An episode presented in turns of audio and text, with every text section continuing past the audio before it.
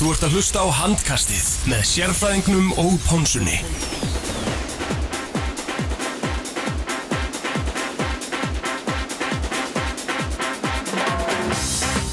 Jú komið sæl og blessuð og velkomin í handkastið á, á þessum fymtu degi. Tíundamikla fymtu degi getur við sagt. Það er Teddy Ponsa sem heilsar ykkur og með mér sérfræðingur. Sérfræðingurinn. Sérfræðingurinn, ekki bara sérfræðingurinn hvað var að handbólta heldur líka þegar kemur að efnarsmálum. Þjóðunum búin að vera að býða eftir þínu áliti sérfræðingur áhrif á falli váer á Íslands efnarslíf. Uh, það er náttúrulega að segja sér sjálft að þetta hefur náttúrulega gríðarlega áhrif á hérna, efnagslífið í, í landinu og hefur bara strax áhrif á það ég, ég sé það að Safran er búið að hækka kjúklingin sinn um 15% og kom upp í 2290 úr einhverjum 1890 kallið þannig að það er strax fara að hafa áhrif á, á hérna, veitingastæðina uh, svo tikkar þetta inn bara hvað og hverju strætókjöldi fara að hækka sundkortin fara að hækka Uh, vest finnst mér bara ef, ef hérna, aldraða fólki fær ekki frítt en þá í sund þannig að það geti enda þannig en, en síðan náttúrulega bara ég vissum það að við sér muni bara fjölga í, í ferðum til Íslands og hætta þessum nætuflugum og síðan koma bara flugfélag eins og, Delta og Norwegian hvað heitir þetta, SAS eða ekki? Mm -hmm. þó ekki hérna rútufyrirtæki frá, frá Akureyri. Þannig að ég ég held bara með fullar vinning hverju skólum og svona að þetta sé bara allt í hennu fínasta. Já. þannig að það er svona mitt teik Takk fyrir þetta sérfræðingur. Uh, en við erum með góða gesti. Er ég bara búin í dag? Búin í dag, leiði frá mikrofónin Góða gesti, uh, Arna Gunnarsson og Áskei Gunnarsson. Þó ekki bræður, og margir getur haldið það. Arna Gunnarsson, hann er að þjálfa á Hákavudag fyrir þjálfar í Fjölnis og, og Selfoss til að mynda. Áskir, þú ert að þjálfa yngri hlokkan í HF Passar. Og, og þjálfa er hérna mjög sérfræðingin í íhá hérna tímabilið 2013 og 14 Passar, takk fyrir að bjóða mér. Takk fyrir komuna drengir, takk fyrir komuna. Uh, Við ætlum að ræða eitt og annað í þættinum í, í, í dag. Uh, Við ætlum að fara yfir landslýsvalið og, og, og svona fjallum stöðuna uh, bara í handbóltanum almennt og bara sjáum hvert það er umræður leið okkur. En við erum að sjálfsögja búið BK Kjúklings og mér langar að spyrja ykkur drengir nú eru þið miklu BK menn veit ég uppáhalds réttur á, á BK Þetta við byrjum á þér. Já, ég er með óðnami fyrir kjúklingi þannig að ég finn nú ekki oft þanga Nei, þeir eru með góða veka en rétti samt og... Nei, nei Það er kjúklingalógan, ekki spurning? Ekki? Já. Hún er ekki ekki um þær Júvill er hún góð með þær Og verður búin að vera að leika ykkur eitthvað í, í, í bettinu? Nei, hérna Því hefur lokið eftir að hérna Vá er dróð sér í hlið þá hefur sérfræðingur dreigð sér í hlið á Coolbet. En við munum sjá bara eftir næstu yfirlýsingu frá skólamóður þá mun ég lokka mig aftur inn á aðgangin og, og fer þar að, að hérna, styrkja krakkan í Coolbet já, já. styrkja eistana. Já, ég, er, ég er komin á dag fjör í snjóboltanum já, en það búið að snjóa nægilega mikið senstu dag þannig að þú fylgir bara veðráttunni. Ég er ánægð með því. Ég hef kannski hægt að taka þátt þessa vikuna með að við hérna, veðri en, en það maður var að gera annað. Jú, jú, það er nóg að gera á sérfræðingum Jú, jú, vissulega, vissulega. ah, Nóg að gera á sérfræðingum Herru, já, við ætlum að hvað, ætlum að ræða það Landsleisvali Gummi Gummi var að, er að fara að mæta Norður Makedóni og síðan hvað, hvernig mætur það Söður Makedóni, ertu með það að reyna á því Það er ekki bara næstu undarkjöfni Já, já. það er vonandi. Hvað finnst þér um þetta, nú ertu mikill landafræði séni að, að fyrir mjúkosláneska lífveldið Makedóni heitir nú Norður Makedóni Mér finnst þetta bara að vera tímarspilsmál og bara sína virðingu gagvart hér aðeins í Greiklandi Já, Suður Makedóni Já, það er einhver, hérna, einhver myndlistamæður þaðan eða ekki? Nei, Alexander Mikli var það hérna. Hann var einmitt frægur myndtökvari Herðu, þau eru nú að tala um náttúrulega Herðu, uh, já, uh, Gummi Gummi, hann valdi uh, 20 mannhóp fyrir þessa tóleiki gegn Norður Makedónum 10. og 14. april og ég ætla nú ekki að þylja upp allan hópin en, en þeir eru nú búin að kíkja yfir þetta uh, strakur að við byrjum á þér er eitthvað svona sem að stingu þið þegar þú læst yfir uh, annar lista? Næ, mér að við bara síðustu keppni í janúar þá er þetta bara rauðkrett val þannig séð mm -hmm. en ég er mikill stunismöður og aðdáðandi Janusar og ég sakna þess að sjá hann í svona hópi Uh, mér finnst megi fara að breyta markmannstöðunni að svo hérna Daniel Freyr er ekki núna hann ekki rétt fyrir mér? Hjá frá Val? Jú, rétt, rétt, þannig að ég hef viljað sjá hann kannski á kostna Björgvins. Mhm. og uh, að spurning með hæri skiptuna hvort að megi velja eitthvað þar en, en, en það er þá nöfn eins og Ragnar Jóhansson sem ég hef í huga. Mhm. eins Tandri varnamaður sem er að standa sér fínt en hefur verið svolítið meittur þannig ég veit nú ekki alveg hvernig staðan er á honum en ég hef viljað skoða hann svolítið. Mhm. Viggo Kristjánsson, það er nafn sem við komum upp í umræðinu, hann er núna eins og stendur uh, markaðastur í östurísku deildinni uh, og er samkvæmt okkar heimildum og leðinni á öllum líkindum í búndislíkuna á, á næsta tímubili uh, heldur að hann sé þessu að Ég veit það ekki. Ég, maður, ég verið að viðkjanna það maður fylgist nú ekkert mikið með því sem hann er að gera þetta núti sko, nefnum maður les bara einhverja örfréttir með markaskor og annað sko. en sjálfsagt má, má skoða hann eins og, eins og aðra mm -hmm. en ég er mikill Ragnars maður hann, ég, hann fær mitt aðkvæði hvernig, hvað heit hljómsveitur sem var í eftir hann Sýni Satans, nei, Eh, Svonur Satans hann var eitthvað svoleiðis Já. já. frábær hljómsveit sko. mjög góð. Ásker, eitthvað sem að svona, hann la- kannski vekur aðtegli að, að Stefán Rafn hann er ekki í þessum 20 manna hópi Já, hotnamaður sem spila bakvörð? Kannski bara fyrst og fremst ánæður að sjá að, að Magnús Óli Magnússon, góðvinu minn er, er valinn eftir held ég bara verðskuldaða bara góða framistu í sí, síðustu leikjum. Og svo kannski líka áhugavert að, að sjá að Heimir Óli er, er þarna. Og hann var að mér skildist ekki í þessum hóp hann við varum í 28 manna hópnum síðast. Já, hann var Já. æfingamótinu fekk tækifæri á æfingamótinu í Nóri fyrir, er hann ekki bara búin að vera langbæsti línumæðurinn í, í deildinni í vetur? Jú, svona heilt yfir. Er það ekki? held ég að sé, já, Það er svona kannski þetta bara helst og Sól svo, svo auðvitað eins og, eins og Adi segir kannski þessi leikmenn sem var að telja upp að sem er rakka og auðvitað Janustæði spurning hvort að akkur, akkur hann er ekki hérna Já og þetta er alltaf spurning á kostnað hvers og, og svo framvegis, þetta er alltaf bara matsattri og maður verður bara að treysta guðmyndi í þetta en, en það þýðir ekki að maður hafi ekki skoðun á því. En ég tek hundi með, með Magnús Óla, hann hefur verið góður í vettur og mér fundist hann oft haldið þessu valsliði bara reynilega á floti Mhm. sérstaklega núna eftir áramót.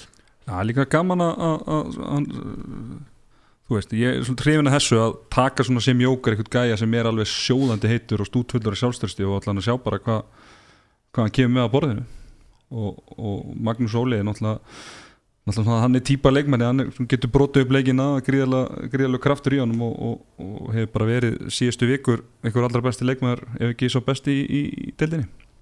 Það er líka, ég veit ekki hvort það síni breytina í íslensku landsliðinu þegar að ég er bara að vera að sammála alltaf með að Janus Stæði komist ekki í 20 mann á hóp, það er bara með ólíkjöndum því ma við munum bara að þessi, þetta er leikmaður sem sko átti ólíkstildana hérna um árið áður að fer út og er búin að vera að spila núna í eina bestur liðum í Danmörku í meistardeldinni og þannig að það er ég veit ekki hvort þessi kaldanislætti eða bara síni breytina í hérna í, í landsliðinu. Uh, en þetta bara ánægilegt að sjá, sjá Maggaðan og hann á alveg, alveg skili en ég veit ekki hvort að Maggi ekki væri að spila á jafnháu level og, og Janustæði á, á þessu, þessu hérna mómenti. Uh, svo er bara spurningin alltaf með þrjá línumenn pluss tvo varnamenn sem eru hvoreir sko línumenn. Oftast hafa þessi varn, varnamenn sem verið komin verið titla líka sem línumenn getur spila línumannastöðun en þannig eru bara með tvær hreinræktar skittur þannig að það er svona bara kannski veikleika merki að, að línumennir eru kannski ekki nægilega sterkir til að geta staði vörð og þú þarf að taka með tvo varnarmenn sem eru Mhm. bara skittur Já, Þannig að Nei og þetta er góða punktur og mér fannst nefnt á HM núna í janúar síðastlinum að, að það voru ansið margir taphæði boltar til dæmi sjá Aronni Pálmasinni og ekki það að maður sé eitthvað endilega verja hann en ég vil meina betri sóknarlínum en hefur náð einhverja af, þessu- af þessum sendingum. Og þá bendi ég á Alli Ævar hann er geggjaður sóknarlínumæður. Kári Kristján er ennþá góður en, en hann er svolítið lengi út af eins og ég er nótt sagt honum en, en, en þetta er svona eh, við erum með eins og síðasta móti Arnar sem að svona, hann er ágætur finnst mér. Já, er svona að að taka framförum með Já, það hann er að taka framförum menn svo næst inn Ímir sem er nú ekki orðin full mótaða línumæður ennþá. Þannig að það er ekki skrít að við vorum með eitt lélegasta línuspilið held ég á mótinu. Nei, nei. burt með þessa línumenn spila bara með 5 á 5 já, eða 6 fyrir utan. Ekkert flókið ha, Svona Rúna Seitreiks hérna já, útvæslu já. Já. Nei, nei, er hann hérna að öðru leiti þá ef ekki að hvað, getur, ef að gera kröfum fjögust í þessum tveim leikjum eða? En útileikur verður náttúrulega gríðarlega erfiður. Já, ég myndi segja það, fjögusti Mhm. Það voru mættuðum í, í mættuðum núna á heimsmeistaramótinu í januar Já, og þá héti þetta reyndar ekki Norðum Já, þannig að við vorum þetta alltaf að liða þá sko.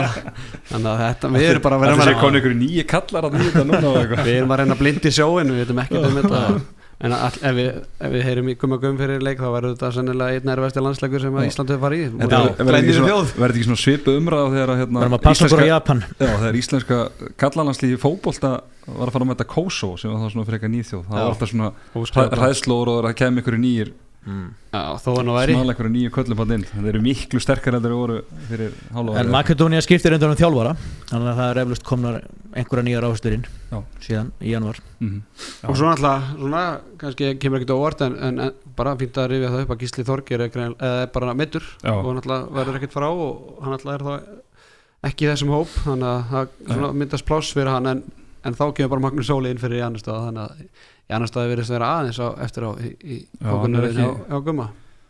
Hann er einhvern veginn ekki, ekki upp á pallbóri hjá honum. Það er bara eitthvað. Nei, það er hárið hmm. en hvað segir við að fara að tala um handball eða? Já, það ekki? já, dildina hérna heima og, Já, bara og stöðuna. f- Framtíð Já, já. íslenska handbólta mun Já, ráðast bara í, á næstu já, þannig að leggið vel við hlustir. Og við erum náttúrulega með Við erum með lausnirnar. við erum með, með lausninar og svona eins og staðan er núna, við byrjum bara hérna uh, tölum bara um aðeins stöðun núna þá erum við með tólið í, í eftir deild og fjögur í rauninni í, í fyrstu deild og svo er þetta bara ulið Mhm. þannig þetta er ekki nema 16 í rauninni félög sem senda liti keppni Mhm. og svona uh, ef við byrjum bara þar aðeins uh, er þetta ekki allt of fá félög eða hvernig þurfum við ekki að sjá HSI einhvern veginn fara í eitthvað aðgerið til að reyna, reyna að fjölga fjölga þessu liðum úr 16 í ég veit ekki hvað, 20-22 leik kannski? Já, fjölgaðan þannig að þú heiti ekki U. Já, já, ég er að meina fjölga, fjö, fjölga félögum já, já, já, það er ímsar hugmyndir vennsla félög og, og bara sko 2014 tek ég við fjölni og þá eru til hvað, K.R. Mílan Hamrarnir. Er ég að gleyma ykkur?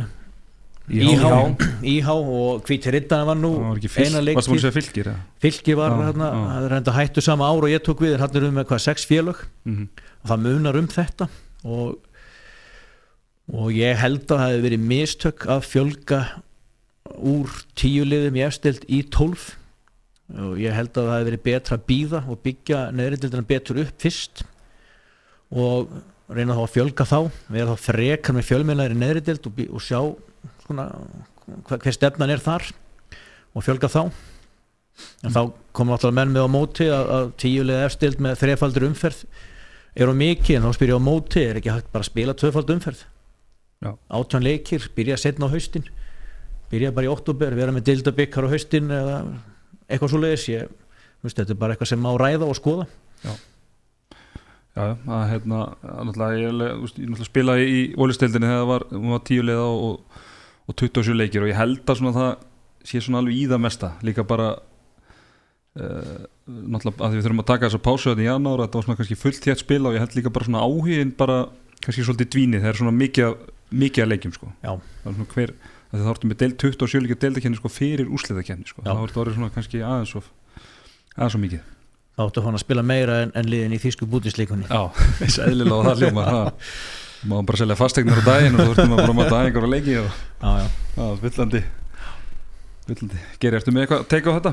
Já, kannski bara f- fyrst að koma því að ég þarf alltaf að rífa mikrofónin hérna af sérfræðingnum sem minn mikrofón er bilaður hann að það er erfitt sem hann vil auðvitað bara uh, mala og mala Já.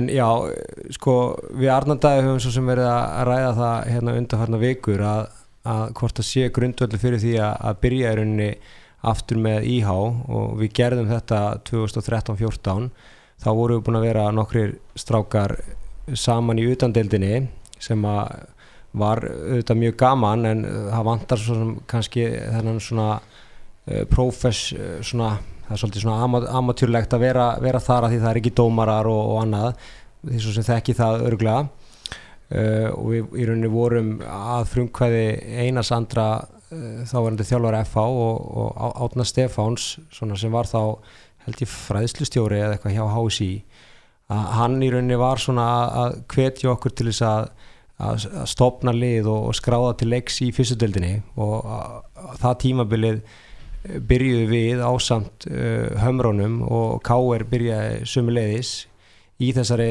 tólulega fyrstudeld sem var náttúrulega bara ótrúlega skemmtileg þar voru lið eins og við vorum að ræða hérna á hann stjarnan og afturölding sem fóru svo uh, upp og voru náttúrulega bara með svakalega hópa. Mm Uh, og við höfum verið að ræða þetta undarfarið eins og ég sagði, ég og Arnandæði hvort að, að það væri grundvöldu fyrir því að, að byrja aftur en það hefur kannski svona svolítið dreigð allavega úr mér að, að fyrsta deildin er bara ekki nógu heillandi verandi með bara þessi fjögur félög í rauninni því að auðvitað vill maður vera að spila við lið eins og fylgir var þarna á KR heldur en að vera að spila endalust við FAU eða IRU eða Valuru með fullri virðingu fyrir þeim.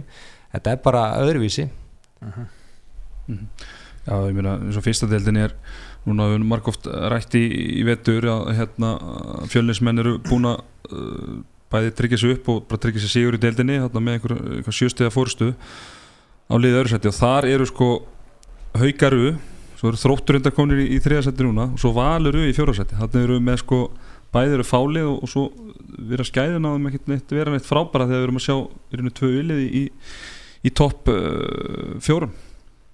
Al alveg sammála og það nú ekki að vera einhver stjartfræðilur eðlisfræðingur eða, eða einhver sérfræðingur í þessu eins og einhver annar myndi orða en til að sjá það að þetta er náttúrulega bara er ekki spennandi. Og, og það vita það allir og, og hérna ég bara vorkinu þeim leikmennin sem eru eiginlega bara að taka þátt í þessari deild. Því að þeir kannski, eða, kannski eru við svona rosalega sjálfsælskir og munum hversu geðið þetta var fyrir ykkur nokkur um árum en kannski er þetta bara jafn spennandi núna fyrir þá eins og fyrir okkur þá. Þannig að það verður kannski aðeins líka að hugsa það. En bara fyrst að hérna að þú varst að tala um áðan með fjölgurina í ólistildinni úr, úr 12 í 10 að hérna við unnum nú smá heimavinu fyrir þáttin og, og hérna ég heyrði það hans í Róberti Geir frangatistjór HSI og, og leta hann setja hann fyrir hann spurningalista og svo heyrði ég honum í áttu gott hérna hálftíma samtal og, og bara virðingavert fyrir hérna Róberti að að taka þátt í þessu. Og það, hann nefndi til dæmis þetta að hérna ég veit ekki alveg hvort ég megi segja þetta en ég ætla bara, Róbert bara því miður, ég man ekki hvort ég mætti segja þetta. En hann vil ég minnir að hann hafi haldið því fram að hann hafi verið mótvæðið því að fjölga liðum úr 10-12 ef þetta er ráttið um þá bara það var svo mikið sem fór í, í þessu samtali. Og, og ég er alveg eða, við erum alveg sammála því en á þessu mómenti eða þessu tíabili þá var þvílík pressa á því að fjölga úr 10-12 Já. það voru það sem félögin og auðvitað er þetta alltaf bara félögin þetta er ekki HSI sem ákveður þetta, þetta er félög sem ákveður þetta þetta eru stjórnamennir og þarna var þvílík pressa.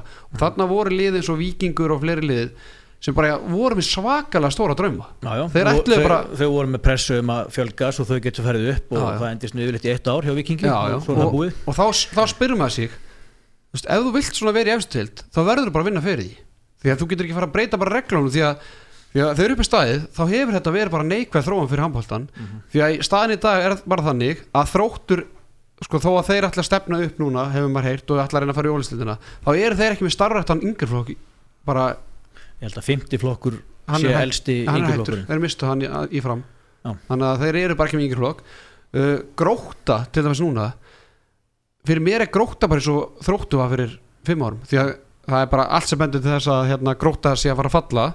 Og með þeir eru ekki með starfrættan þriðaflokk þeir eru ekki með fjóraflokk eldri hvað er að gerast þegar þú segir með tíu ára krakki núna sem, þekki gróttu bara eins og staðin er núna þeir vita ekki því að geta þeir bara rótgrófið handbóltafélag með, hérna, með nokkra hafa alveg upp með einhverja landslismenn og, og yngur okkar landslismenn og, og, jari, og jari. eiga atvinnumenn útlöndum í dag ég er að segja það og hérna þannig að fyrir krakka sem er aðast um núna er gróta bara eins og með fullar veiningu fylgir þróttur þegar ég var aðast um þannig að þetta, þróunin er bara ekki nægilega góð og þetta er kannski bara þeim félögum að kenna sem, sem vildu þetta. Það er náttúrulega bara félögum sem vilja þetta og, og kjósa. Þetta er ekki hægt að kenna HSÍum og staðan er bara ekki nægilega góð. Það verður bara að segja þetta eins og er. Og ég meina vikingur nei ég meina fyrir, ekki háká eina félagi í Kópói sko í hvað 30 manna bæjarfélag hvað í fyrra var þetta lélastilega á, á landinu og núna eru þeir í baráttum að vera næstlegasta lið við Viking og, Þetta og, er og, bara- er ekki, og er ekki nema sjö ár síðan það lifar Íslandsmyndstari þetta er með hreinum ólíkindum og, og, og bara ræðilegt og, og, og þetta við erum ræðið þetta áfram í þættinu ég ætla að lefa áskýra að vera eins með mækina eftir en þetta var svona mín, mín ræða henni í byrju þáttar en, en þetta er þetta ekkert spennandi að, það er spennandi ég, man, ég var að þjálfa ungmennlið vals fyrir hvað þremar ára þegar við vorum fyrsta lið á samt IBVF hvað var það, það var eitthvað þrjúlið. Stjarnan Ak- U Akureyri. og Akureyri, það var, það var geðvitt fyrir þess að stráka skilur við mig, bara að fá mistarósleiki og svona. En sko þá varstu líka með átta önnur Ég er að segja það, þetta var að fá meistaradeildarleiki. þannig að auðliðin voru auka lið í En- sjálfur sér sko. en í er U, Valur U, Haukar U, Stjarnan U þetta er ekkert mistarósleiki sko. og þú veist, ég vil sá jú, að þú farð á að síðdómar og stúkan er sett niður og eitthvað svona en, en nei, þetta er ekki, ekki mistarókur sko. og svo náttúrulega bara eh, eins og þú segir og, og, og fyrir þessi lið sem eru þó þarna fyrir að, að ég var nú í, þessari deild að spila þarna með Káar sama ár og, og, sama ár út að tala um þarna og veist, ég man alveg svona fyrir auðlisleikina þó maður ekkert að hugsa henni það var svona, maður var ekki alveg að peppa fyrir þá leiki og, fyrir aðra leiki sko. þannig að maður getur ímyndað sér núna ef maður væri bara í eitthvað, ég veit ekki, fjölni að þrótti eitthvað að þurfa að spila þarna sko, 12 leiki við einhver auðli sko. Veist, þetta er ekkert spennandi og, og þetta er eiginlega bara svona þetta er nánast eins og að vera bara komin í annan flokk aftur sko. já, og þú veist í rauninni ekkert hverjum átt að fara að mæta Nei, fyrir ekkert sko. hver, hver sem er þannig að það voru efrist að undirbúið sér fyrir þessa leiki Já, þannig séð sko já. En er ekki svo kannski annar vingill á þessu að, að, við erum að tala um fjölgun og, og, og, og svona að hún hafi haft eh, í rauninu veikjandi áhrif á, á, á uh, fyrstöldina, það er bara, bara spretti í gæðum, það eikst bara því að það er bara komið fleiri góðlið upp og, og, og farið niðri. Og það sem þetta kannski gerir líka er að að, að hérna uh, að það komið mér svona fleiri hvað var að segja, svona sæti svona 10-14 í þessum liðum sem að leikmenn sem gætu verið að spila í fyrstöldinu er það kannski að fylla upp í. Mhm. það komið ennþá meira og, og kannski þriðvingillin á þetta er svo þetta blessaða umspil að við erum að fá alltaf tvölið upp og tvö niður í staðin fyrir að eins og við höfum rætt hérna marg oft með þessu kumulplata að í staðin fyrir að falli bara eitt lið eitt lið beint upp og svo getur þessi lið í, lið í, í hérna, öðru til fjórasætti í fyrstöldinni alla upp, þá þurfa bara að vera betra en liðið sem er í allastarsætti í ólistildinni Mhm. hvernig er ykkar, hvernig finnst ykkur þessi umspilsmálull Já, það er bara ágætt að velta því fyrir sér að, að, að varst þú ekki að spá í það með, með reglur umspilsins. Það stendur fjögur lið leik á svo leiðis en nú er bara þrjú lið sem spila í þessu umspili. Þannig að eiga reglunar ennþá við þegar það eru bara þrjú lið en ekki fjögur. Já. þannig að þetta er, er þetta öruglega debata þetta út í hið óendalega sko. Ég einmitt spurði, eina, eina spurningum á Róbert var einfallega bara svona hvernig geta reglunar umspil í grill 66 deildinu ennþá staðist þó að sé ekki nægilega fjöldi til að vera með umspil þá svaraði hann bara því það er, það er rétt að aðeins þrjúli geta spila umspil í grill 66 deilda Karla þessu tíðanbili í reglugjörinu segir ef ekki næst fullu lið, liðafjöldi til þáttöku umspil fyrst deild Karla skal efsta lið umspil sitja hjá í fegralega úrslitum. Regluverkið er því, því svona og byggir á fjöldafélaga og svo náttúrulega spurði hann líka í, í símanum og hann sagði náttúrulega bara það eru félagin sem ákveði þetta. Mhm. og ég spyr bara hvað eru félagin að spá? Já, já. Það, veist, er, það er frábært það, það er stundum eins og það sé einhver regla ákveðin en svo er ekkert einhver B-variant ef þetta klikkar út af því að í drauma heimi þegar þetta er, þetta er ákveðið þá voru náttúrulega nóga félagum til. Þetta voru eitthvað 20 lið. En hvað ef?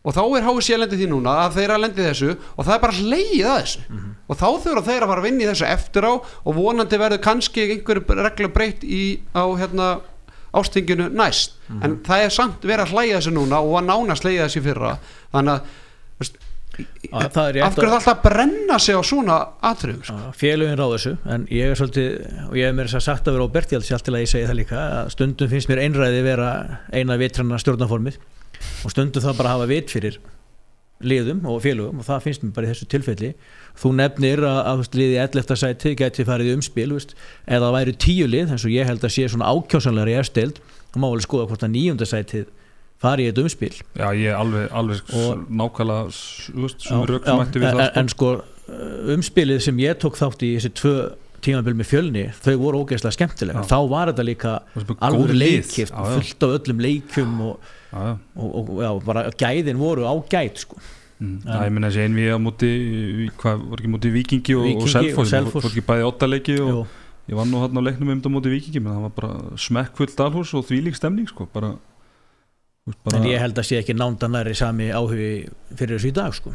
Nei, miður. og er það ekki bara út af bara gæðin eru bara talsvert Já, minni Jú, það má vel vera því svo sem dróðu hérna upp lista um, um daginn af einhverjum 50 leikmönnum sem að sem að eru ekki að spila í deildinni en getur hæglega verið að spila í jafnvel ólistildinni Mhm. hvað þá í, í þessari fyrstu deild. Og nokkri hafa nú verið að spila núna eftir eftir að listin var gefin út. Já, en það, það má svo sem alveg, alveg færa raukur því ég held bara að sé, sé heilbrygt að, að, að taka þessa umræðu og, og ræða þetta.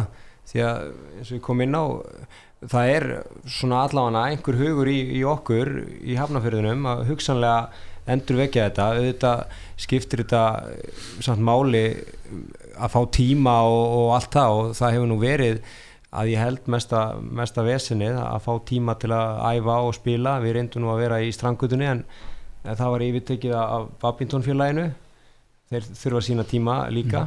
Eðlilega en eh, svo kem ég aftur inn á, inn á þetta. Ég er ekkert vissum að maður myndi vilja byrja í, í þessari deilt eins og hún er núna heldur þá frekar að, að fá, fá inn þessi lið sem að voru eins og Mílan og, og Hamrana og, og, og kannski erfitt með, með KR sem að aðalstjórnir sem að mæntilega sagði bara nei þar á sím tíma. Og eins og Arnaldæði segir að gróta sig kannski bara verða það lið í rauninni en, en þá væri það í rauninni það væri miklu skemmtilegra að geta byrja byrja í fyrstildinni á næsta ári eða væru 23 lið eins og 2013-14 þegar við byrjuðum mm. En Þetta, þetta snýst náttúrulega um, um fjármagn og þetta snýst um tíma í, í húsunum og Teddy var nú hjá mér hálfa leiktíðin í fyrra og, og, og veit nú upp á hvernig aðstöðu úrvarsleitaliði var bóðið í, í fjölni í fyrra sem er náttúrulega bara djók og, og hérna þannig að, að það er ljóst að ef að fjölni væri með venslafélag hvernig æfingartafna þeirra litið þú út sko En kórin, kórin hálf tólf á, á mánudagskvöldi þetta, er, þetta er hægt í samt uh, körfunni og, og blakinu og þá kemur maður veist, kannski að því Já. en Minni- það eru færri á já. minni salir færri í liði og, Já. og þá kannski ef maður talar um fjölda leikmanna er það þetta að fara í 12 leikmann á skýslu er það að fara bjarga einhverju ég er svo sem veit það ekki ég held að Nei, þetta ég- snúist meira núna um það að fá, fá pláss í, í sölunum og, og það er bara meira en að segja það Mhm. því miður En ég er sannfæður um að það sé hægt að finna einhver staðar uh, pláss klukkan þó ekki væri nema tvisvar í viku fyrir einhverja sem vilja húst, vera tvisvar í viku, spila einu sinni og vera þá klukkan nýju eða eitthvað svoleiði sko. Já, sérstaklega líka eftir, eftir komið eigisallarinnar og svo náttúrulega mm. ásætlunum komið auka sal uh, Já, uh, kannski svona höldum áfram að, velta hnullungum. Á, á þess að vera alltaf neikvæður bæði, bæði ásker og, og, og allir þú náttúrulega ert að þjálfa nú hjá HK og þið náttúrulega eru með lið í grillinu og eru með, með ulið.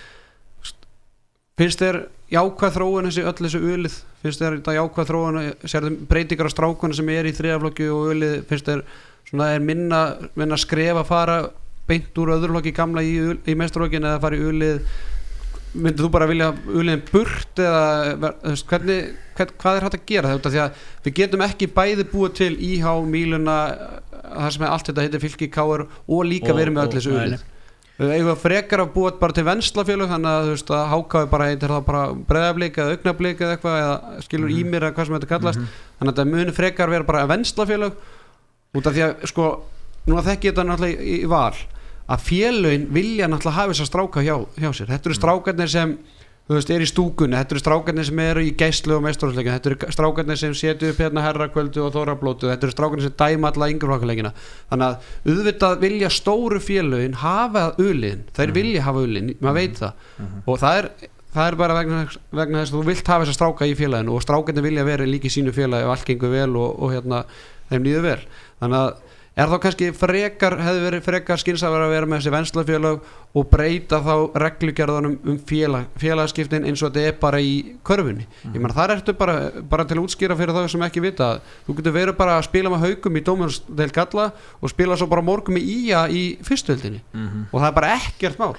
Skilum, þú getur verið að spila með haugum í þú veist úlíkaflóki eða drengjaflóki hvað sem þetta kallast og spila svo bara með breyðabliki í, í Dominos. Þetta er þú veist reglurnar, þetta er svo sveigalegt og þetta er svo, þetta er svo, það er svo fallegt að, að tala um þetta og, og sjá hvernig, hversu auðveld þetta er og það er enginn að kvarta. Og það er líka svona þú veist það er þá bara svona drengskapur staðar sem gerir það að verkum að, að, að liðin er ekki mun ekki koma til með að misnota þetta á einhvern hátt.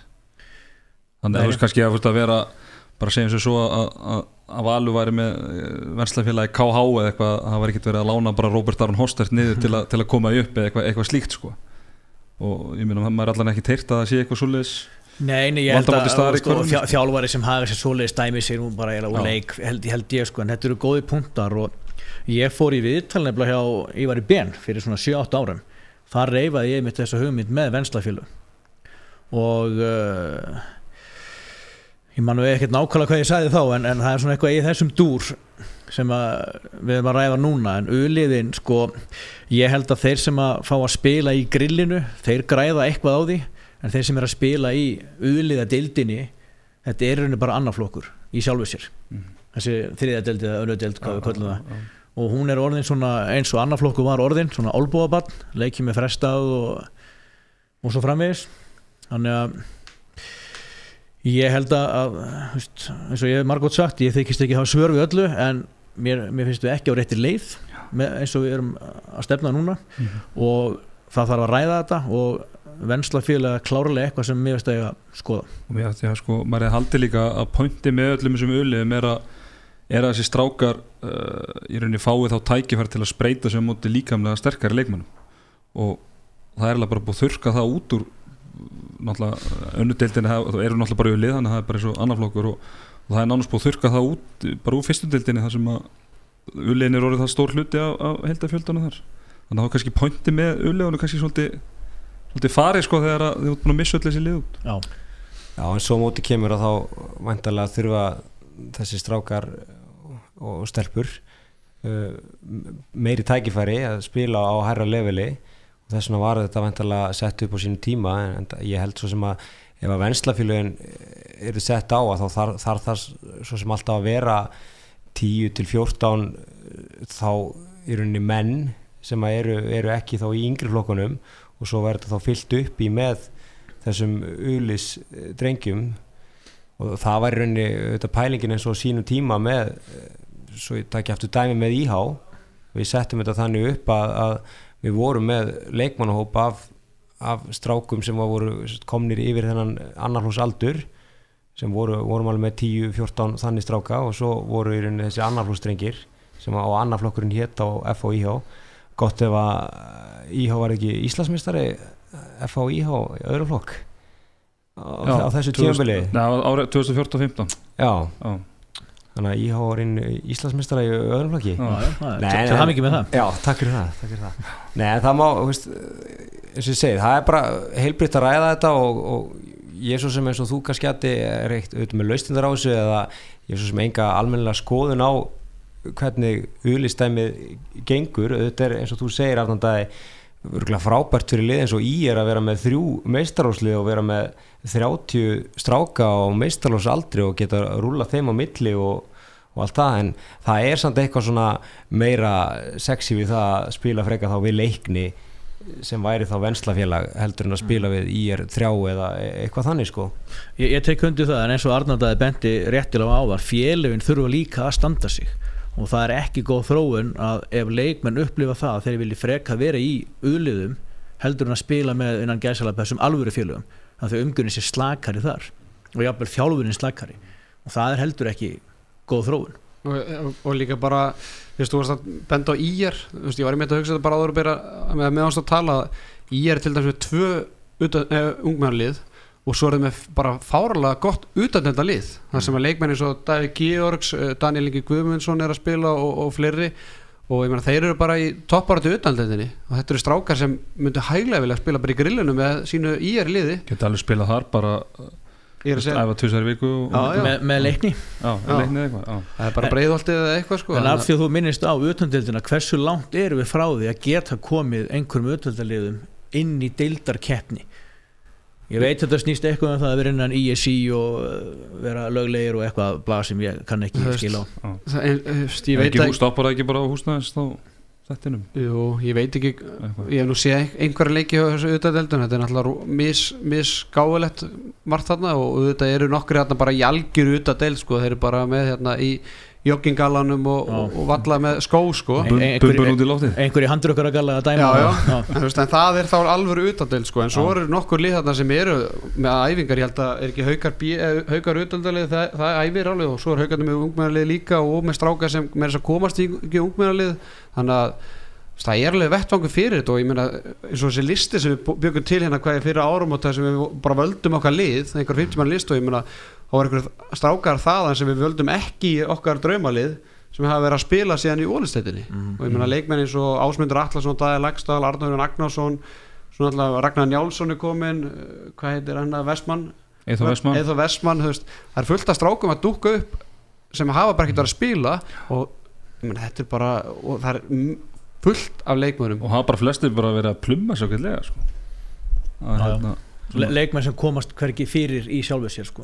já, eða bara voru bara hættir og Já. já, bara, Já, þú veist, það er, það er ekki neitt vettvangu fyrir þá. Nei, nei, ég er, er að segja það sko, sem að hefði verið alveg þetta alveg þetta hérna, að nota og ég meina eins og bara til dæmis konsepti var með í á sínu tíma ég meina það var að fá ég meina það hjælt bara fullt af strákum bara ennþá í, í, í handbóltanum sem hefði annars bara hætt og, og fara að gera eitthvað allt annað. Þannig að það er líka Þú spurði nú að sko. sendir nú á Rópa og spurði hver brúin í rauninni væri á milli utandeildar og þá hvort sem er önnur deild eða fyrst deild. Við höfum svo sem ekki fengið það staðfest ef að, ef að maður myndi byrja með félag núna íhá eða hvað sem væri hvort maður myndi þá byrja í rauninni í þessari annari deild eða fara fyrst inn í fyrstu deildina. Því að svo er það þetta annar, annar hérna, punktur að þetta kostar náttúrulega hellingspenings eins og þú sagðir að þetta snýst um fjármagn dómarakostnaðurinn er þar þetta, uh, langhæstur og svona fyrir mitt leiti þá eh, finnst mér ekki eh, ekki hérna, raunhæft að byrja í rauninni í annari deildinni þar sem að maður er að eða kannski hálfri miljón til miljón í, í kostnað í deild sem að er ekki eins og með official leiktíma eða þó að deildin heiti ekki grillið sko, það skiptir kannski ekki máli en, en það er ekkert heitlandi að þurfa að byrja í rauninni í annari deildinni sem er í rauninni bara þá kannski annarflokks deild það er rosa skrítið að 8-10 eða önnu deild og svo bara með einhverjum ulliðum og, og svo bara íhá eða eitthvað, eða þú veist. Já, en svo kemur rauninni móti, hva, sko. hvað ef að það myndu bara allt í hennu fjögur lið taka sér saman núna, fjögur félög og segja bara, heyrðu, við ætlum að byrja. Mhm. myndu þau þá öll þurfa að byrja í annari deild eða, eða færi þau í fyrstu deildina? Já, já, það, þetta er þetta, er- þetta eru skemmtilega vangaveltur. Ég er nefnilega svo gamall. Ég, sko, ég er búin að spila við Völsung ég er búin að spila við Hött Hörð og Ísafyrði, Njarðvík, Keflavík. Mm eitt lið hérna HM var svona eitthvað venslafélag afturöldingar ok, og ég er alveg öruglega að gleyma einhverju liði sko, þannig að það er búið að vera fullt af liðum sem hafa dóttið út. Breyðablík gerir þetta, er þetta dreymir manni líka um eða allavega þegar við byrjuðum að þó svo að við hérna höfuborgarsæðinu leggjum alltaf rosalega mikið fyrir okkur að þurfa að fara norður eða einmitt austur að, að hérna, þetta er skemmtilegt að fara á í hérna önnur íþrótahús einhverstar út á landi spila þar fyrir framann, framann áhöröndur sem að eh, koma þá á leikina. Ég veit nú ekki hvernig þetta er í, í, með ulis hérna, liðin hvort að það fylgi einhverjir aðrir áhöröndur frekar en foreldrar en þetta á líka að vera beautyð við handbóltanum og er svoleiðis í, í fótbóltanum að þú ferð á Dalvík og spilar og, og í körfunni eru hrunamenn á flúðum með lið og, og alls konar svona já. öðruvísi félög. En ekki bara alltaf að vera að spila í Östubergi eða á, á hlýðarenda Þetta Ísafjörðu skráði nú lið í vor. Hörður. Já, upphá, upphálega en, en hættu svo við það. Það verður gaman að skoða er, er grundvöllur fyrir því, mér finnst aðeinslegt að fara á svo staði og læra fullt af nýjum orðum frá, frá stúkunni og svona, það er bara Já, já, ég róma, meina- róma tekið því. Og ég meina talandi um Ísafjörð, ég meina það er búið að vera að setja allavega eitthvað púður í yngreflokkana Ingurður Nákvæmsson, Bissan uh, fór þarna vestur og, og, og var ekki einhver annar sem að Gre Gretar Óskar Jón, Óskar Jón já, og, og Grettar og fleiri sko, sem að farið fari vestur og hérna uh, þú veist, þannig að maður, svona- maður svona vonar það allan að það sé bara tímaspörsmála að þeir mm. Gefið þá þessum strákum eitthvað grundvöld til að spila í, í mestralflokki á þess að þeir þyrfti að flytja suður eða vakur eða hvernig það er sko.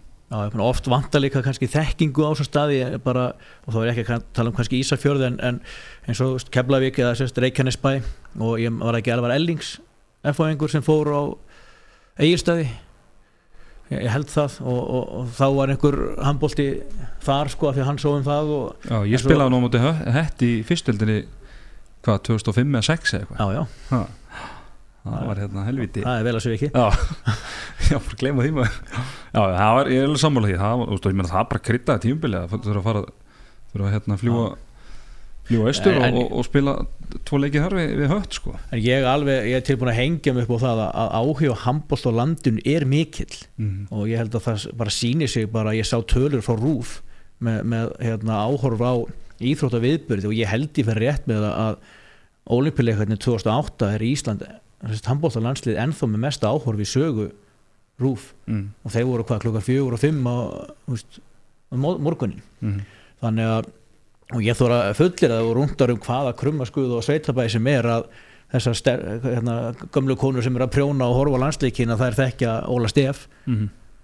og ef, ef við spyrum landslíki á, Ólasvík það er tróð fullt Já. Þannig að Já, já, Ég veit ekki, ég er kannski svona ef maður hugsaður svona úti að, að ef maður kannski komin alveg á, á dýftin í þetta að kannski vandamáli á svona minni stöðum og kannski með við fótbolta, körbólta sem eru þá vandalega svona helstu samkjöndis íþróttunar að þar getur alltaf verið þú getur spila körbólta einn og einn eða tvo og tvo og eitthvað svona, kannski svona erfiðar í handbólta þar sem þú þarfst alltaf að vera með teig og línu og, og já, já, Já, og svo líka sko. með fótboltana þá þetta getur fengið strákana eða stelpurnar sem eru í háskóla á, á, í, í höfuborginni á sumrin, já, getur fengið þau yfir á sumrin þannig að það eru auðvitað, auðvitað margt í þessu. Mm en þetta er bara, það er skemmtilegt að hugsa um þetta og ég veit að það eru margir sem að pæla svona líka en eins og þetta snýst þetta um það hvort líka félögin út á landi hafi á annar borð áhuga á þessu hvort þau séu kannski bara sátt við það að vera völsungur með sitt blaglið og höttur með, með sitt,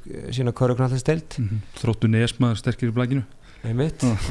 En, en hérna en svona þetta kannski stoppar ofta á, á, á krónum og örum og uh, ger ég bara svona forvitin að vita uh, þú náttúrulega varst þarna stýrðir eða tókst átti að stýra í hóskútinu einhver, einhver tvö tímabil eða svo uh, hvað kostar að reyka svona liðin svo íhá á einu tímabili.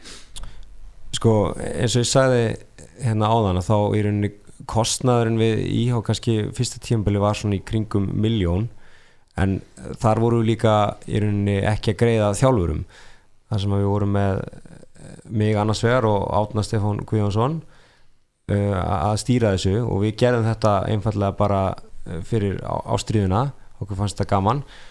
Svo stáluður honum af mér F-fáingarnir tímabil eftir eins og þér þetta pakka til Já, þannig að þetta var eiginlega F að kenna að IH gekk ekki Nei, en, en þetta er svona eh, pakki örglu upp á, á miljón 1500.000 og þar aftur er auðvitað dómarkostnaðurinn lang uh, dýrasti kostnaðalöðurinn uh, ég veit ekki hvernig þeir, þeir gerðu þetta á öðrum stöðum eins og Mílan og, og, og Hamrarnir. Ég- við allána vorum svo sem ekki með neinn yðkenda gjöld, við borguðum í rauninni allt undir alla.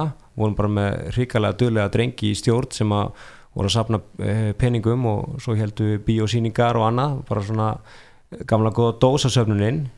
Einhvers þar heyrði ég að Mílan hefði verið með með þáttöku gjöld og auðvitað er það eðlilegt því að þú ert hvort er að greiða fyrir það að vera stunda líkamsrækt eða, eða íþrótt.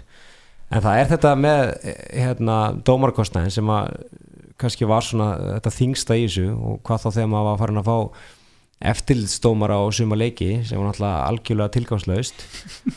En þá kemur aftur að þessu að er ekki bara of lítið af dómurum líka á landinu? Það, þetta finnst ekki að vera með í rauninni dómara sem eru kannski nýjir sem gæti í rauninni þá verið að dæma í þessari fyrstu deild eða annari deild og, og verið að, þá að taka minna fyrir það þó svo ég haldi eða viti að það sé jú nú minna greitt fyrir það að vera dómarkostnan í annar deild en fyrstu deild. En þetta var samt, þetta er samt mjög dýrt og, og þarft að vera með góða í rauninni stjórn og, og, og góð sambönd svona við auðvitað eins og, eins og við á þessu tímabili með í rauninni samband við FH sem að retta okkur æfingatímum og svo náðu við einhvern veginn á ótrúlega hátt að tróða okkur inn í strangutuna til að spila. En það var það í rauninni það var ótrúlega skemmtilegt Já, og gerðu það vel, það var, það var góð umgjörð á, á heimaleikjum og, og strandgatan alveg fullkomin í, í, í þetta alveg perfekt sko Svona, og þá það kemur það er að ekki nema 100 mann sko þá er bara þvílíkt svona Já, já, þvílíku stemning það sko. var læti sko. Já. Já, ég minnir á fyrsta leikin einmitt í strangutunni, það tímabili við fjölni þá vorum við skráð um 400 manns sem mættu í stúkuna það er nú bara eins og á, á venjulegan ólistillaleik í dag Mm. Já. Í miðri viku. Þannig að þetta er þetta með þá aftur með, með uliðin, hvernig er í rauninni umgjörðin á það? Er þessi almenni haffyrringur sem dæmi að fara á í Kaplakrigan að kíkja á FHU, IRU eða er hann líklegri til að mæta á IH leiknir eða IH breiðaltið ég held að þessi setni, setni kostin við vorum að fá fullt af fólki sem að sem að rampaði bara inn að því það var almennt áhuga fólk um, um handbólta og vildi bara styðja sín lið í, í, í hafnafrið hvort sem voru F-fáingar eða haugarar Mhm. Já. þetta er þetta er mjög góður, mjög góður punktur en hérna uh, en kannski eins og tala um með, með, með dómaran við rættum nú í síðasta hætti að hérna að eh, það voru tveir dómara sem voru talsvöld gaggrindir að Halldóri Jóhanni Sigfúsin eftir leik IBF og, og FH að, að, og ég svona tjáði mig það að uh, ég væri nú ekki dvoðalega hrifin aðeim og væri kannski ekki í frábæra mál með þeir, þess, þetta par kannski ósangjönd að taka það út, út fyrir svega en allan ég gerði þessu, þessu dæmi kannski væri kannski ekki á alltaf góðum stað ef, ef, ef að þeir eru að, dómarparið þessu geðaflokki er að dæma mikið að leikjum í eftirdild eh, sko að þú náttúrulega eh, kannski búin að vera, þekkir þetta kannski vel eh, eh, er verið að gera nógu mikið til að, til að fá fleiri dómar upp Sum fjölu er að standa sig ágætlega en ég held að heilt yfir megi gera mun betur. Og það er alltaf eins og kom upp með heimi átna þessi umræða með, með hann að, að hann mátti ekki spila í næstustu deild og dæma í efstu. Þú veist, ég, ég skil alveg áhyggjur manna að, eh, hafa ekki vilja að leifa það en þannig erum við konið með góðan dómara og ég hefði frekka vilja leifa honum að, að dæmi efstildinni en svo er það bara hans ákvörðun þegar að káfa fyrir upp hvort, að- hvað hann velur. Og ég held að við þurfum kannski að skoða það svolítið veist, það eru segjum að ég sé að þjálfi úrvarstild og ef að veist, vantar dómara akkur má ég ekki dæma bara í þriðdild Veist, ég, ég sé ekkert af því. Það er kannski ekkert, eh, er ekkert að mæla með því en til að sé þannig en, en kannski, hei, það er fínt að vera dómari veist. Já. fýtt peningur og hérna, ég ræði öllu get hent mín á öllum sko. Og hérna þannig að þú veist, ég held að kannski vantir svolítið að, svona, svona sletti að rekrúta dómara mm. Sko, hérna nú er ég hérna, sítjandi sem dómarastjóri hjá Val og fæ nú oft eitthvað meldinga frá hérna, HSI og svona alltaf bara yfirmönnum minni bæði frangöndastjóra félagsins og, og, og, og bara stjórn hangnasteldar að, að það er þannig í reglunum og ég talaði um það í senast þætti að, að hvert félag þarf að skaffa tvo dómara sem er í Ólistil Karla. Þannig eins og Valur þarf að vera með fjóra dómara. Annars er það bara eitthvað sko 5.000 krónur sekt á hvern leik skilur í Ólistil Karla. Þannig að Valur held ég Valur er bara með tvo dómara Átn og, og Þorvar sem er að dæma í, í grillinu. Þannig að Valur er að borga ekkert 150 skall bara fyrir áramót í sekt. Þannig að og mér finnst það bara fáralega vel gert í. hási að, hérna, að vera að sekta þessi félag sem er ekki að, að sinna þessum málum. Og ég minn eins og Átni Þorvar strákandi sem er að dæma núna, þetta er bara strákandi sem eru rétt að skrifir tvítugt. Þannig að fyrir nokkrum árum voru alveg ekki með neitt dómara. Og, og fleiri svona félag og eins og Átni segir að sum félag er að gera bara gott mót. En, en svo er bara, hérna, eins og, hérna, bara virðingin og hversu sexy er það að vera dómari. Ég væri til að vera dómari því ég er bara kókraustur og kokki og drulla saman hvað fólk segir við mig. En, en svo geta það menn sem eru bara viðkvæmir en hafa bara bullandi ástæði fyrir leiknum en bara myndi ekki þetta í huga að fara að dæma handbóltaleik sko. bara vannverðingin og allt bara þessu fú, eða, bara, þá er ekki bara leikmenn að, að þjálfara, það er bara áhörundu þetta er bara orðin einhver menninga, menn bara getur sagt bara hvað sem er við, hérna, við dómara. Þetta er svo Átni Stefán sagði við okkur hérna, um daginn þegar hann var að dæma hjá hvað þriðaflokki í kriganum að það var bara einhver áhórandi sem að þurft að bara hendur húsið. Einhver áhörundu ekki smá áhórandi ha, en hérna veist, þannig að bara, veist, og, og þetta er bara orðið bara eitthvað svona eðlilegt. Og, og við rættum þetta í senast þetta og, og, og veist, þetta er bara en, fé- en félagin er ekki að gera nægilega mikið og kannski líka bara verkefnin fyrir nýja dómari eins og ég sagði, hvernig er þetta í körfunni? Þú kemur inn sem nýlega sem dómari og þá ferðu bara inn í eitthvað hóp og dæmi leik með einhverjum reyndum, en hvað gerist inn í handbóltanum það er alltaf þetta pör tveir reynslu miklu saman, svo kom einhverju tveir nýja sem bara eru, og, og þeir eru með þrjá dómara já þeir eru Já, en Plug- það er eitthvað sem mér finnst að við mættum alveg skoða ef við fyrir að tala um reglubreitingar og annað já, en bara með magdómara sem við höfum þá er það ekki Nei, nei, Nei, nei, nei, nei. nei, Þetta- en, kannski með þryggja dómara system er kannski auðveldar að henda einum nýgræðingi með tveimur reyndum og eitthvað svoleiðis en þetta er góða punktur sem þú ert með nafni en, en líka hvernig við tökum á móti nýjum dómurum. Já. og það eru oft við þjálfararnir ekki barnana bestir að, að drölla yfir menn endalust og, og þannig að sko, þeir koma helst ekkert aftur. Er það kannski bara punktur af því að, að, því að svona auðvelt að byrja þetta sama við, við köruboltan að í rauninni í körubolta ef þú opnar munin á það við dómar þá færðu bara gamla góða tíð í andlitið að í handboltanum að að það er svona leift meira töð og, og annað því líkt að, að maður sér þjálfar að gera þetta oft og bara skiljanlega að þú náttúrulega reynir að gera allt sem þú getur til að vinna leikina að reyna að komast inn í hausin á dómarunum og, og bara töð og kvart og kvarta og vonast á til þess að, að það falli eitthvað ákvarðinni með þér á, á, á hérna, líkil mómentum í leiknum. Að því þú svona þetta, er bara taktík. Þetta er bara taktík. Ég meina, er það bara kannski eitthvað sem þarf þarf að herða bara til að auka virðinguna, það þarf bara auka refsingu? Já, eða það, í hver áttinu að fara með þetta? Mér, mér finnst, ef maður horfir á leik hjá HM í meistaradildinni, Európa-keppninni mér finnst framkoma þar við dómara allt önnur en hér. Já, Mm. já. menn eru bara, og það stendur bara einn. Það, er, þú það, er bara, það reynir engin annar að standa upp sko, það, bara, það er bara búið að stöða þetta mm. En fyrir mér með að nú allir standa þess já, vegna sko. já, já, en ég er bara að taka dæmi Já, já, en, en þú sér það bara meistur þjálfarnir þar eru bara yfir það, sko, það er greinlega eins og viti bara hvað er að gera sko. það er eins og þjálfarnir á Íslandi kannski, eru kannski eitthvað óvissi hvað er að gera í leiknum og þá fara bara að koma þessu yfir á dómaruna sko. og svo er þetta líka þú veist, bara lítið land og lítið samfélag þetta er svona oft svolítið persónleira hérna heima sko Já, ég, ég við ekki það alveg að þegar ég var hérna með annar flokk val og ulið á sama tímabili að ég var kannski með leik þar sem HSI dómara voru sko tvisari viku og ég vel einu sinni viku og svo var maður líka að horfa ólistelt kalla og, og ólistelt kvenna þannig að maður var kannski á leik þar sem voru HSI dómara þrisa, fjóra, fimm sinni viku. Að ég var helviti þreyttur á sömu dómarunum sko. Mm -hmm. en það er ekki, þetta er alltaf bara sömu dómarnar aftur maður var kannski að hitta sömu dómarnar þrjáta í röð sko. Veist, þannig að þetta er það líka þreytandi.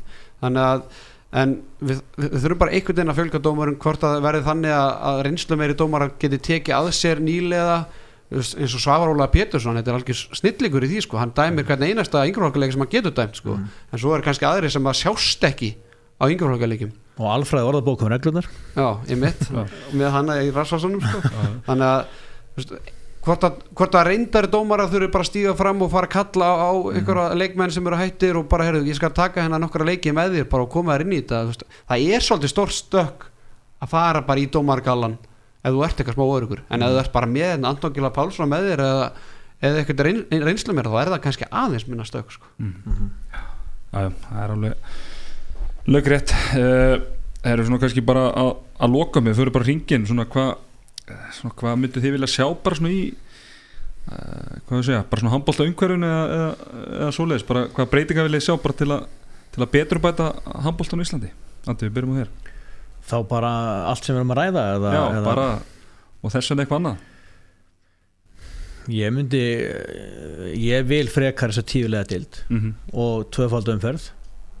Og rauk mín eru bara að 27 leikir er og, og mikið en, en, og margir leikir en, en 22 er hæfilegt. Ég get alveg tekið undir það en, en það kemur niður á heldinni Mm -hmm. og áttalega úrslakeppni finnst mér allt í lægi þó að séu bara tíu lið þú bara fellur eða ferði umspil það er eitthvað sem má skoða að lið í næst hérna, næst næsta sæti spili við eins og þetta var hérna einu sinni en þá voru vissulega bara áttalið í efstild Mm -hmm. og það gerðist bara einu sinni að liðið í efstild tapaðum spilinu en já, skoða þetta klárlega og vensla félögin finnst mér eitthvað sem við höfum að skoða Mhm. En svona kannski punktur sem við kannski ekki drætti í, í þessu þetta en svona eitthvað í reglunum sem við viljum bre- breyta bara handbóltareglunum slíkum, viltu skotklukku eða eitthvað slíkt? Það, ég held að sé búin erfitt að útfæra skotklukku. Mm. en, en sko, einu skiptin sem að heyri þjálfara töða yfir skot, að vilja fá skotklukku er þegar þeir eru búin að mæta liðum eins og til dæmis Ísland mætti í Spáni það sem ég spila lengi, þú veist, Alfreð í Európa-keppni eða hvað það var hann um daginn þú veist, liðið sem hangir á boltanum og allt þetta. Veist, þá fara menna að töðum þetta og ég skil það alveg. En það er spurning hvort hún eigi þá bara að vera 40 sekundur eða á hún endur nýjastu fríkast og, og svo framvegis, þú veist, eða þú ert marki yfir 30 sekundur eftir og liður þá bara tíminn eða, veist, er þetta brjótaður og sendið það vítapunktin eins og í körfu þetta er svona, Já. það er mörg atrið sem að mætti skoða, ég myndi vilja skoða að hætta með miðju, Já. byrja bara á marki. Mhm. þetta 7 og 6 finnst mér óþólandi Þannig að bara Utah Jazz leikurinn er bara í, í já, já, bara in real time. Já, Já, já, já bara, bara með aðeins fleiri yfirkendum Já, nokkulega en mér finnst bara að tveggja minna broti sem það ertu bara út af, þú ert bara færri. Mhm. þannig að vestið finnst mér ekki option heldur. Nei. þannig að Já. og mér finnst í yngri flokkum að við höfum að setja það reglur þriði flokkur og niður og þú mátt ekki skipta inn á nema að vera með boltan Mhm. e eitthvað svona Geri? sko kannski ekki með alveg ja, sterkar skoðanir á í rauninni reglubreitingum og öðru en það er búin að vera sagt, ekki mikið að þjálfa undanferðin ár aðalega bara með þessa, þennan yngsta flokk uh, en fyrst og fremst myndi ég bara vilja sjá uh, vini mína í, í Mílan og Hömrónum og Hvíti Rittarinn og þessi lið að bara taka sér saman og, og ræða það hvort það væri einhver grundvöldu fyrir því að að þessi lið myndu byrja aftur og á sama tíma því ég held að það yrði í rauninni miklu skemmtilegra heldur en að eh, við Arnandæði myndum setja íhá í loftið á næsta tímabili og svo myndu líða einhver þrjú ár þángar til að annað félag kem inn. Ekki þá nema að það er bara saminað í, í eina deild og við erum bara með íhá í ólistildinni, ég veit ekki. Það væri kannski eitthvað. Fyrir út að hama það Nei, bara sem almennur áhuga maður um handbóltan þá vil ég bara sjá einmitt þetta með að venslaliðin þetta verði bara aftur og meira og við fáum bara skemmtilegri fyrstu deild e, í gang. Mikill áhuga maður um góða fyrstu deild. Já. Sammála því. Herru, má ég núna að tala? Já. Hvað ég veit, korter? Óttina þátt. Nei, uh, ég er eiginlega bara sammálaði sko, bara hérna út með uliðin bara búa til venslafélag, má alveg heitar það bara valur B eða eitthvað, en það bara, þá er það bara metnað hvers félags fyrir sig þú veist, bara ef þú vilt búa til gott bjeli og vilt bara fara upp upp deil, þá bara ferðu til því fleiri gæja og svona. Auðvitað þurfa að vera eitthvað reglur af aliðskæði með ekki smena bjeli og eitthvað svo hvort það sé topp 5 markaðast í senasta leik eða mátt ekki að spila senastu tvo leiki eða eitthvað. Segjum bara að, að hérna ég meina stert dæmi, ég veit ekki hvort að ég hef svo mikla ráðugjör að þessu út af því að ég er búin að vera þjálfa í val núna og það er bara hver úlíkan landslæsmaður fætur öðrum og svona, en ég bara er að sjá það núna að það er ykkur fjóri-fimm gæjar bara kringum 18-19 í val sem e- eru bara ekki að fara að spila eða komast í æfingu hjá val næsta ári. Segjum bara að þessi gæjar getur bara heyrðu, við kýlum bara á þetta við förum bara hérna í venslaliði hérna á val og við bara gerum þetta alveg og við förum bara upp og svo getum félagi bara hjálpa þeim.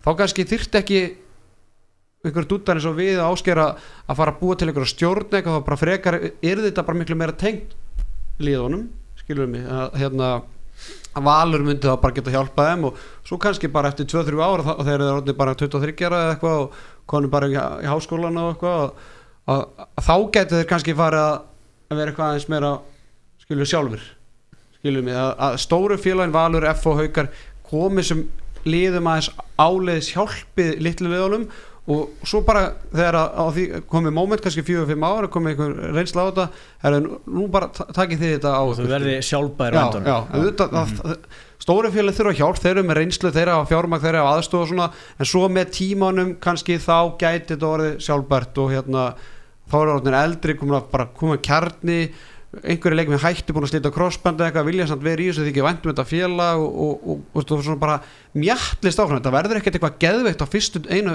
tveimur, þreimur árunum en ef við höldum þessu áfram eins og stæn núna, þá verða sex lið með meistarflokk eftir svona tíu ár. Bara þróun er bara þróun er hræðileg.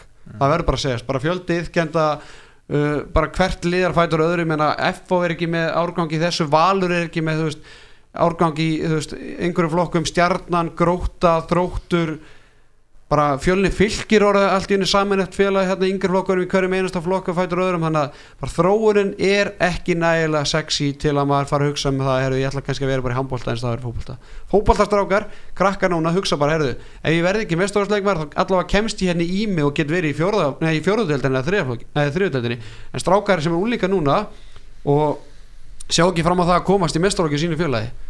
Af hverju ekki vera bara ólinn í skóla og fara bara að vinna og vera bara eignast peninga?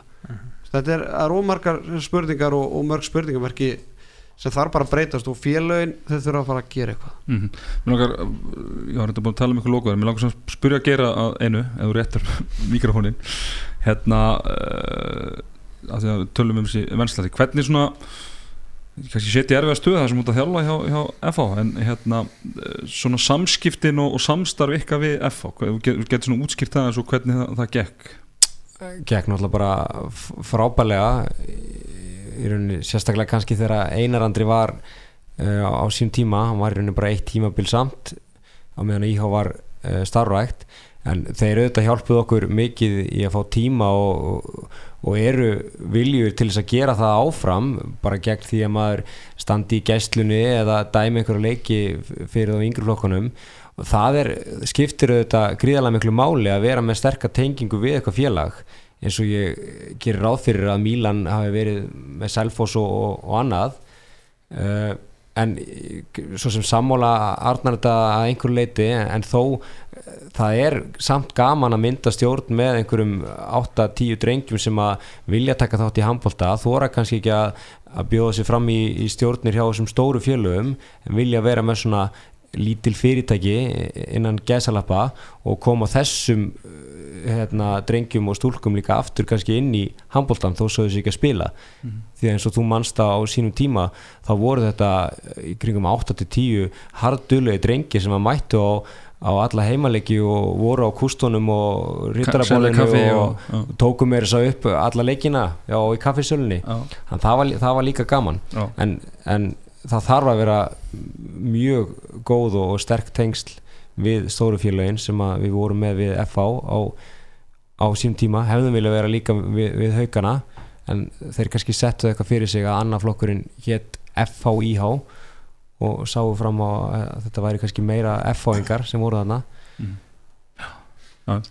En það er líka annað eins og Arnandaði verið að benda út með uliðin þá komum við inn á þessu umræðu með þriðja og annaflokk Já, tvö árið, þrjálflokki, tvö árið Hvort að eiga að fara einhverja þannig leiðir. Þetta var þannig að þriðji var tvö ár mm. og svo kom þrið, annar flokk var ekki þrjú ár. Það var alltaf 21 ás að klára annar flokk sko. já, það, er það er svolítið langt en bílið sko, en bílið en bílið 18 til 21 er miklu minna bíl heldur en 16 til 19 já, já, þannig að það er rétt. Það er kannski, það er eiginlega bara umræðið sem stenglundum að ræða það er náttúrulega alveg katastrófa að þrjaflokku kalla sér þrjú ára á Íslandi og, Já, það er svolítið mikið munur að vera 19 og 16 Þetta var hræðileg breyting og, og hérna, við þurfum eiginlega bara að taka annað þátt bara hérna, kannski lókt tíðabils og, og ræðum kannski bara úsleikjafnir og áfram þetta því að það er margt að ræða en, en hérna Já, auðvitað á þriðflokkunni í kjölfari þá er það tvö ár og annar flokku tvö ár og, og, og svo þessi venslafélag og bara hoppandi hurra á 20 félag og bara byllandi úslitakeppni og umspil og,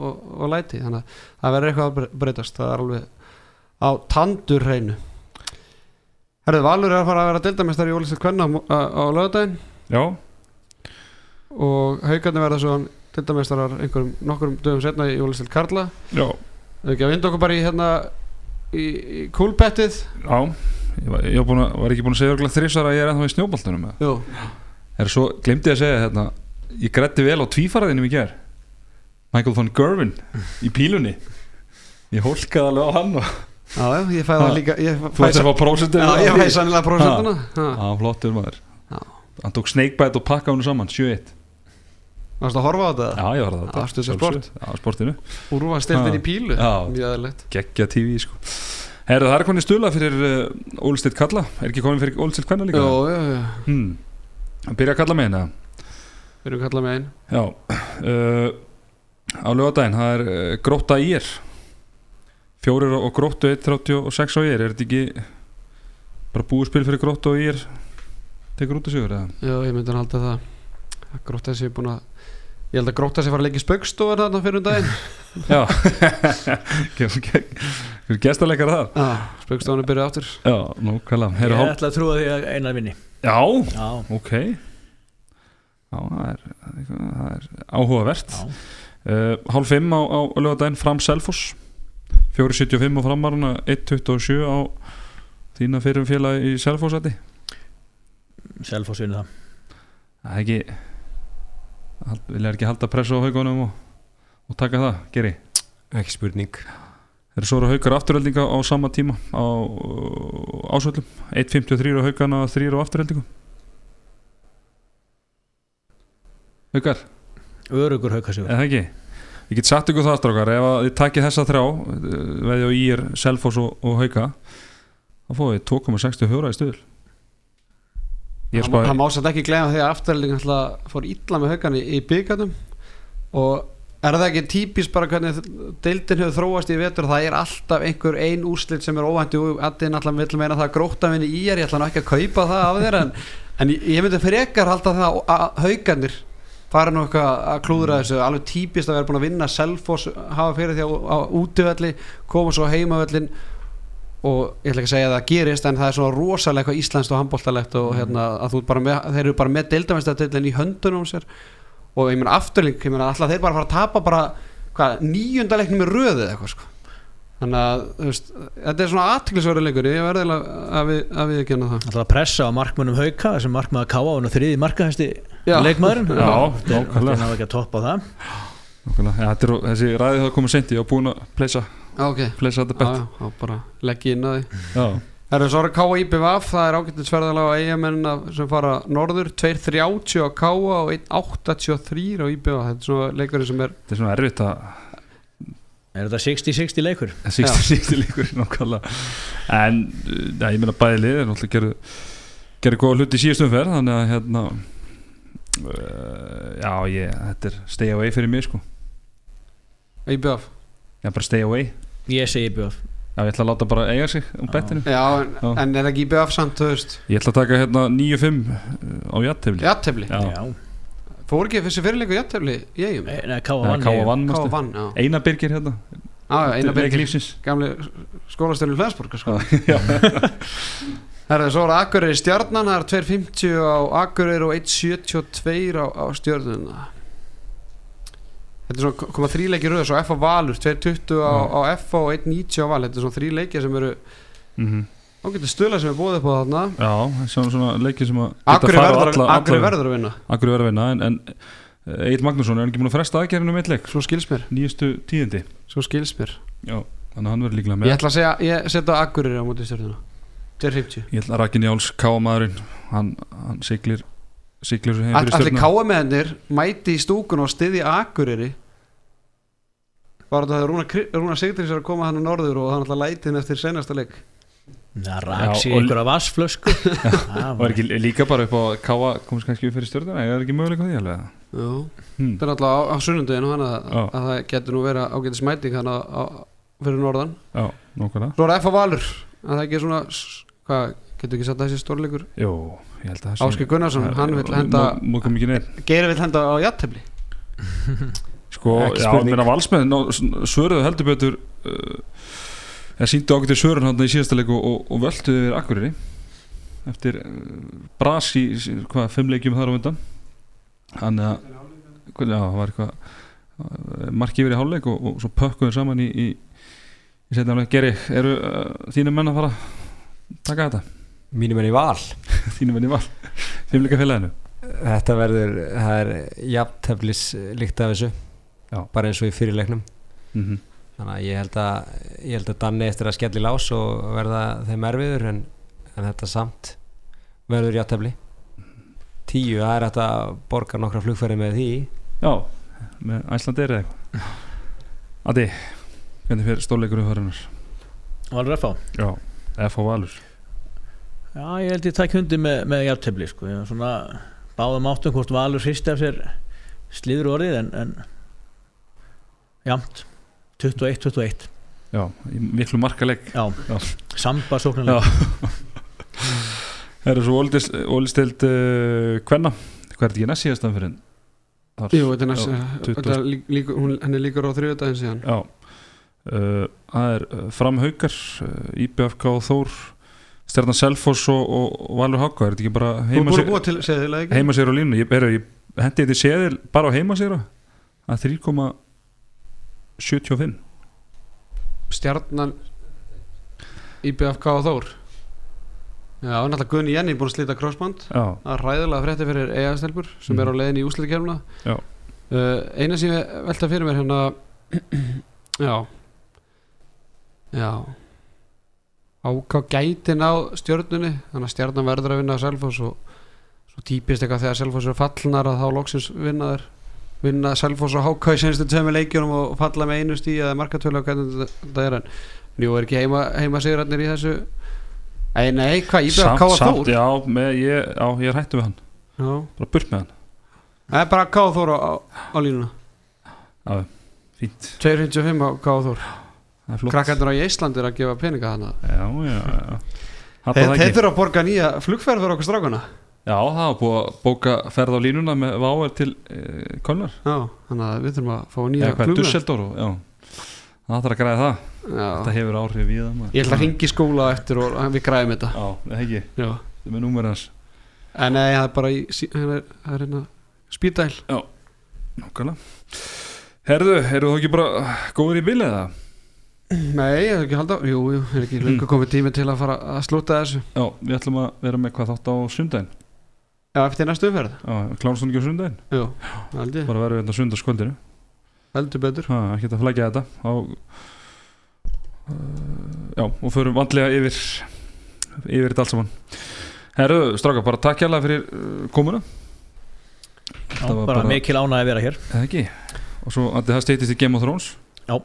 Út einhver hérna Mest í Game of Thrones sérfræðingur þjóðarinnar Já, gaman að segja frá því að, að gammal liðsfélaginn og, og, og pabbi Donna síðan, þeir tóku þátt í hérna, Game of Thrones spurningakeppni fyrir nokkrum árum þar sem að ég var titlað að þjálfæri liðsins og Já. þeir unnu Ok, á, á bráða, í bráðabanna Veitu, var það Bergur eða eitthvað? Já, já, það Já. var bergur og þeir fengu held í 35 og 36 rétt og það voru spurningar bara úr bókunum Já, já, þannig að þetta var það mjög mjög, came down to the wire eins og þeir segja. Já, nákvæmlega. Já, heyrðu, dráka, við skulum ekki hafa þetta lengra sinni. Hangastið þakka fyrir sig. Arnar Daði og Teddy Ponsa með þér í handkastinu